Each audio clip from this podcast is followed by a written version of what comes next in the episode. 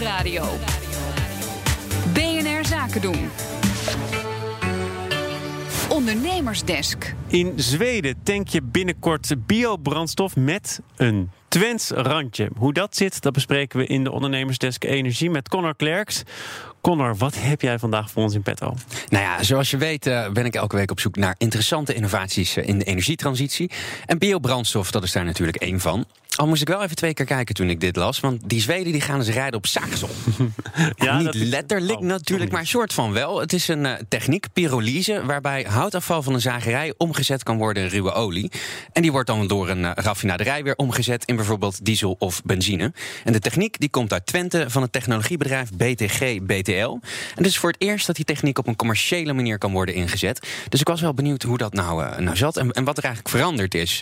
en natuurlijk ook of je binnenkort ook zaagsel kan tanken langs de A2. Dus ik ben gaan bellen met Gerard Muggen. Hij is de directeur van BTG BTL. Ja, wat we eigenlijk doen is wij uh, zetten uh, het zaagsel om in een, uh, via een ja, thermochemisch proces. We maken dat zaagsel warm tot 500 graden Celsius. Dan maak je een soort van olieachtige damp als je dus geen zuurstof toelaat. En die olieachtige damp die wordt gecondenseerd. En dan maken we een ruwe olie. En deze ruwe olie kunnen we naar een bestaande raffinaderij brengen. Ja, ik zag dit dus uh, in eerste instantie een beetje verkeerd voor me. Want ik dacht eerst ja, dat, je, dat je daar een, hele aparte motor, zoals bij waterstof, een, of een hele aparte tank voor nodig hebt. Maar in principe wordt het product, dus die ruwe olie uit dat zaagsel, gewoon omgezet in een reguliere brandstof. Ja, dan ga je naar een bestaande raffinaderij. En er wordt daar diesel van gemaakt, wordt er benzine van gemaakt, LPG van gemaakt. Dus in feite wat er ook in een normale raffinaderij gemaakt wordt. Ja.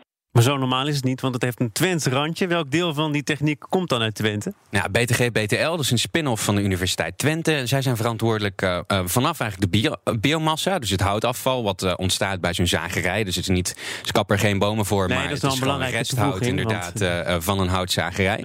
En ja, dan is het, dan, dat wordt dan door hen omgezet door, tot aan ruwe olie. En dan is het aan een raffinaderij om het bijvoorbeeld om te zetten in LPG. En dat brengt dan weer een groot voordeel met zich mee. In feite wat we, uh, wat we doen is gebruik maken van de bestaande infrastructuur. Dus wij zeg maar met een met batterijtechnologie en met elektriciteit moet je een hele nieuwe infrastructuur aanleggen. Kunnen wij gewoon meeliften op de bestaande infrastructuur. Voor veel mensen zal het uh, nog als nieuw in de oren klinken, maar die techniek die is al een paar jaar oud. Uh, het is nu wel voor het eerst ook commercieel in te zetten. waarom eigenlijk nu pas dan? Ja, daar was ik dus ook al uh, benieuwd naar. Want um, ik had uh, een, oud interview met meneer Mugge ook gelezen... waarin hij zei, ja, het is eigenlijk nog niet commercieel haalbaar. En uh, hij zei tegen me dat de oliemaatschappijen... in eerste instantie een beetje huiverig waren. Nou, die oliemaatschappijen moeten je in feite toelaten met deze olie. En dat is best wel een entreebarrière. En daar heb ik op zich wel begrip voor. Het is iets anders. Dus deze oliemaatschappijen hebben natuurlijk honderd jaar lang hetzelfde gedaan. En nu moeten ze wat anders gaan doen. En gelukkig is Preem, dat is de Zweedse oliemaatschappij... ja, die heeft, die heeft dit aangedurfd. Die heeft gezegd van ja, dat moet kunnen. Uh, iedereen weet ook eigenlijk wat dat kan. Alleen ja, die raffinaderijen die zijn helemaal gewend om iets op een bepaalde manier te doen. Pyrolyseolie, dat is de naam van deze olie, is anders dan de gewone olie. Dus dat kost uh, wat uh, ja, tijd om te wennen, zeg maar, voor deze, voor deze bedrijven.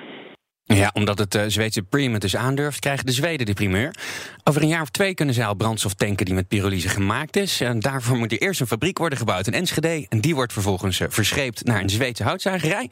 En dan kan het grote raffineren van start gaan. Wordt modulair gebouwd door onze partner uh, Zeton. Het zijn in feite 22 industriële Lego-stenen die dan samengebouwd worden eerst in Enschede. Wordt het ontmanteld, wordt het per vrachtwagen naar Zweden gebracht en wordt het ja, binnen een twee weken weer opgebouwd halsbrekende toeren met één belangrijke vraag. Gaan we er als consumenten ook nog iets van merken? Bijvoorbeeld in de portemonnee? Ja, die vraag stelde ik ook. En wat je er in de portemonnee van merkt, blijkt helemaal niks. De consument zal hier eigenlijk helemaal niks van merken. Nee, het is nu zo dat er in Brussel overlegd is dat er een bepaald percentage tweede generatie biobrandstoffen bijgemengd moet worden. Het percentage is uh, nou ja, bescheiden. Dus de consument zal hier, uh, zeker gezien alle belastingen die erop zitten, helemaal niets van merken.